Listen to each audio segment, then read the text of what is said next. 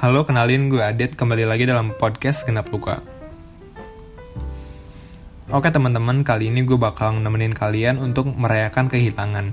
Sebelumnya gue udah sharing pertanyaan di Instastory tentang cerita kehilangan yang pernah kalian alamin. Gue turut berduka atas kehilangan kalian, baik itu temen, saudara, pacar, sampai orang yang sebegitu penting di hidup teman-teman, sampai ngerasain kehilangan yang amat mendalam gue udah himpun beberapa cerita tentang kehilangan dan beberapa tokoh dan orang yang cerita sengaja gue samarkan demi kepentingan privasi. Mungkin cerita pertama kita dari Dea. Jadi, dia punya cerita kalau dia punya hubungan yang singkat. Awal masa pdkt itu, si Dea nggak yakin dan nggak suka sama si cowok.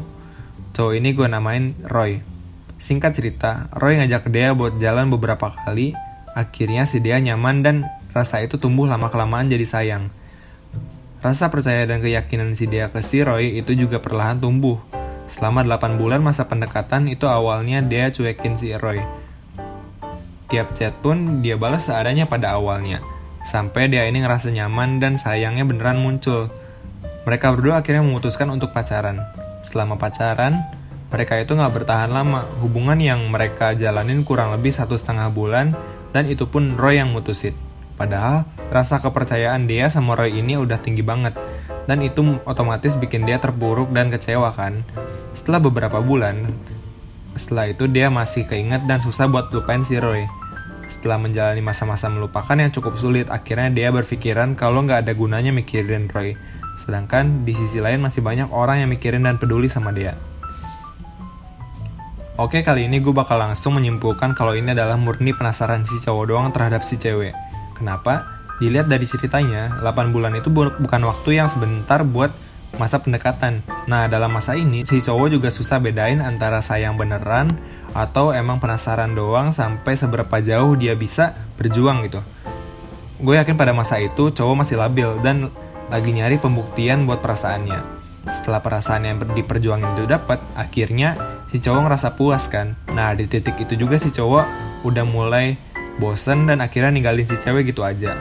8 bulan itu bukan waktu yang sebentar sih buat ngebangun kepercayaan, tapi cowok sadar gak sih waktu selama itu buat masa pendekatan udah cukup banget buat ngebuka hati cewek biar percaya. Harusnya cowok sadar banget buat ngejaga kepercayaan ini. Tapi bukan cowok namanya kalau nggak ngelupain gitu aja kan atas semua yang pernah dia perjuangin. Gue fix nilai ini sebagai murni rasa penasaran cowok. Tetap semangat dan terus menyembuh ya dia. Oke lanjut cerita kedua kita datang dari teman kita sebut aja Mala. Mala ini punya cerita tentang hubungan 5 tahun LDR-nya dan gak berakhir bahagia. Jadi gini, si Mala pernah punya pacar namanya sebut aja Dimas. Hubungannya tuh udah menginjak 5 tahun dan itu itu tuh LDR. Keluarga pun udah pada kenal kan, tapi Mala ini emang dari dulu ngerasa kalau Mala doang yang sayang sedangkan Dimas kayak gak bahagia aja sama Mala Nah, LDR itu kan gak pernah jauh dari kata chat sama telepon. Tiap chat, selalu Mala yang mulai, sedangkan Dimas ini gak pernah. Teman-teman Mala tuh banyak yang bilang kalau Dimas ini sering jalan sama cewek. Dan si Mala mencoba untuk sabar dan bersikap bodoh amat itu sama teman-temannya. Jadi suatu hari si Dimas ini ulang tahun dan Mala udah nyiapin ke kejutan di ulang tahunnya. Mala udah ngirim kan ucapan selamat ulang tahun gitu, tapi chat Mala ini cuma diirit dan gak ada balasan sama sekali selama seminggu. Otomatis, Mala ini kan gak jadi ngasih surprise, dan Mala ini ngerasa sakit hati. Setelah seminggu, Dimas chat Mala dan bilang kalau sebenarnya udah ada yang rayain ulang tahunnya kemarin. Di situ, Mala langsung shock dan nangis jadi-jadinya. Habis itu Mala mikir kenapa bisa jadi gini sih? Dan Mala itu bilang, aku kurang apa lagi sih sama kamu?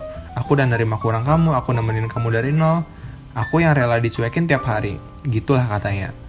Tapi Dimas cuma bilang, udah marahnya gitu doang. Dan secara nggak langsung Dimas ini udah memilih orang yang ngerayain ulang tahunnya tadi kan daripada si Mala yang udah bertahan selama itu sama Dimas. Dari cerita tadi menurut gue kebanyakan cowok emang suka nyepelein perjuangan. Dia nggak tahu kalau di balik titik yang dia capai sekarang adalah gimana setianya si cewek yang nemenin dia selama lima tahun. Dia tetap sabar walaupun selama itu cuma si cewek yang sayang dan bertahan menurut gue juga ini 50-50 sih antara si cowok yang gak pernah ngomong kalau dia itu bosen dan gak tegas buat mengakhiri hubungan dan si cewek juga yang udah berharap tinggi sama cowok gue mikir dalam masa labil ini, cowok kebanyakan suka sebelah mata sama yang namanya komitmen dan komunikasi. Padahal, sebenarnya komitmen itu bagi cewek berarti banget, semacam pegangan atas janji yang cowok ucapin. Tapi, bagi cowok, komitmen itu kebanyakan buat nguatin argumen biar si cewek ini percaya. Lain kali harus hati-hati nih, LDR emang rentan banget sih sama yang namanya pisah.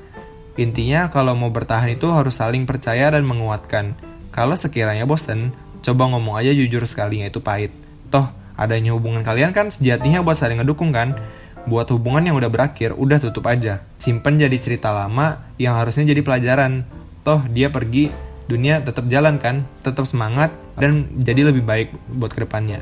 Yang baik suatu saat bakal dapat yang baik juga. Sebenarnya, kita kuat dari yang kita tahu. Tapi hati dan emosi itu yang ngasih sugesti kalau kita ini lemah. Baiknya kita cuma percaya dan nunggu kapan rencana Tuhan ngatur semua ini. Percaya deh. Cerita selanjutnya ini dari teman kita yang sebut aja namanya Rizky. Jadi Rizky ini punya pengalaman pacaran dengan senior impiannya selama SMA. Ceweknya kita sebut aja Fanny. Wah, nggak asing nih. Jadi ceritanya itu, kisah si Rizky ini udah bisa dibilang dongeng. Pertama, waktu Rizky kelas 10 dan si Fanny udah kelas 12. Pertama ketemu itu waktu pertama kali si Rizky jadi murid SMA waktu 17 Juli 2016. Waktu itu Fanny masuk kelas Rizky buat sosialisasi ekskulnya. Di situ juga si Rizky langsung jatuh cinta sama si Fanny. Dengan daya tarik seorang senior gitu kan, yang bikin si Rizky ini jatuh cinta. Nah, kisah Rizky waktu kelas 1 itu penuh dengan cerita sama Fanny. Dari senyum, sapa, paras manisnya, dan puncaknya waktu si Fanny ngasih bunga waktu Rizky ini ngikutin lomba pentas seni antar SMA sekota. Tapi ternyata bunganya itu nggak dikasih ke Rizky, tapi ke temennya. Padahal waktu itu Rizky udah nyiapin surat cinta. Di situ Rizky langsung patah hati kan. Singkat cerita, setelah dia tamat SMA, waktu itu Rizky kelas 11, mereka jadian. Yang Rizky tahu ini, Fanny ini banyak yang suka. Hubungan Rizky dan Fanny itu bertahan hingga setahun. Rizky yakin kalau Fanny adalah orang yang tepat dan satu-satunya di mana orang tua Rizky udah dekat sama Fanny. Tapi orang tuanya Fanny kebalikannya nih. Fanny nggak pernah mau kenalin Rizky sama ibu bapaknya. Nah, setelah melewati beberapa drama, Rizky ini ngerasa kalau Fanny ini berubah dan saling menyalahkan. Sampai pada akhirnya, si Rizky ini memutuskan untuk berpisah. Walau si Rizky ini masih amat sayang sama Fanny, tapi dengan pertimbangannya matang, dia bilang semua ini udah selesai dan dia harus mundur. Sekarang mungkin Fanny udah lupa sama Rizky, tapi yang jelas dia udah bahagia dengan pilihannya yang lain. Oke, balik ke pembahasan. Menurut pandangan gue sebagai cowok, kebetulan Rizky ini cowok juga kan. Emang bener sih bahagianya itu gak ada duanya ketika kita dapetin orang yang kita suka banget dari awal. Dapetin cewek atau cowok yang notabene lebih tua dari kita itu gak mudah sebenarnya, apalagi ceweknya terkenal.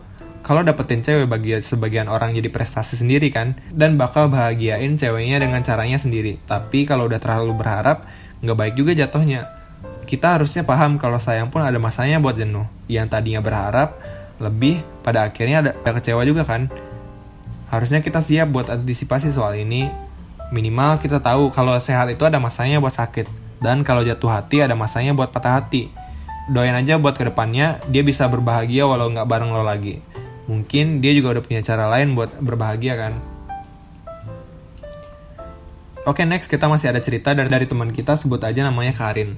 Jadi Karin punya cerita di mana dia satu setengah tahun ngejalanin hubungan LDR dan nggak pernah ketemu. Jadi ceritanya, Karin punya hubungan LDR. Sebut aja namanya Fajar, tapi nggak pernah ketemu. Dan selama itu dia jadi bucin banget sampai Karin tuh jadi orang yang ansos dan gak bisa ke mana-mana. Gak boleh main sama teman dekat sehari-hari. Sehari-harinya di jalan cuma teleponan. Berhubung Karin sama pak eh berhubung Karin sama cowoknya nggak pernah ketemu. Kalau Karin bohong itu Fajar selalu nyumpahin yang enggak-enggak. Fajar juga orangnya kasar banget. Karin udah nurut banget kan sama Fajar, tapi pada akhirnya Fajar ninggalin Karin. Intinya hubungan yang udah dijalanin selama itu bikin Karin jadi trauma. Bukan cuma trauma ke Fajar, melainkan sampai ke trauma untuk dekat lagi sama cowok. Karena Karin udah terbiasa apa pun sama si Fajar, cerita ke Fajar dan ninggalin teman-temannya selama hubungan, Karin jadi ngerasa kehilangan semuanya kan sekarang. Walaupun Fajar ini kasar sama Karin, tapi Karin ini terima dia apa adanya. Sampai sekarang Karin susah banget dekat sama cowok lain. Istilahnya menyesuaikan gitulah. Dan ngerasa cuma Fajar yang bisa dengar cerita Karin. Singkat cerita, Karin ini eh, dideketin juga sama cowok lain selama ini, namanya Bayu. Bayu ini udah 4 tahun mau sama Karin. Udah dijahatin berkali-kali, si Bayu ini tetap aja mau. E, Bayu ini baik sebenarnya, tapi selama 4 tahun itu Karin ngerasa nggak cocok sama Bayu. Nama juga hati kan nggak bisa dipaksa istilahnya. Dipaksa juga buat nerima seutuhnya pun tetap nggak bisa. Tapi ada masanya Bayu ini buat nyerah tapi Karin pertahanin, istilahnya tarik ulur gitulah. Karin ngerasa kasihan banget sama Bayu selama ini. Lanjut ke pembahasan, menurut gue Coba lu sedikit buka pikiran dan refresh lagi buat nerima kenyataan sekarang. Lo harus pikir lagi deh, kalau yang datang itu emang ada saatnya buat pergi. Entah itu kapan, tapi seenggaknya lo udah persiapan kalau kemungkinan kayak gini bakal terjadi. Apa pun yang terjadi sekarang, ada baiknya buat lo lupain dan melangkah menuju lembaran baru. Mungkin pada fase ini lo harus balik lagi ke teman-teman lo dan mencoba buat bersosialisasi. Lo harus kuat, dunia nggak selamanya tentang dia. Tapi masih banyak hal yang menarik dan harus dihadapin kok, tenang aja ada banyak cara buat melupakan tergantung dari cara mana yang lo pilih nanti. Banyak-banyakin aktivitas juga di mana pikiran lo mungkin bisa sedikit teralihkan dengan kesibukan. Tetap semangat. Oke teman-teman, mungkin segini aja cerita yang bisa gue rangkum dan gue bahas bareng-bareng. Kalau kalian mau cerita, silahkan langsung aja ke Instagram gue @adityarama hanya 4 dan follow Twitter gue @kuranggaul kurangga awl. Di sana gue bakal sharing di instastory tentang pertanyaan-pertanyaan yang menyangkut hubungan dan segenap luka. Jangan ragu buat kasih saran dan masukan biar biar lebih baik ke depannya. Tetap semangat dan sampai ketemu di episode 6. See you.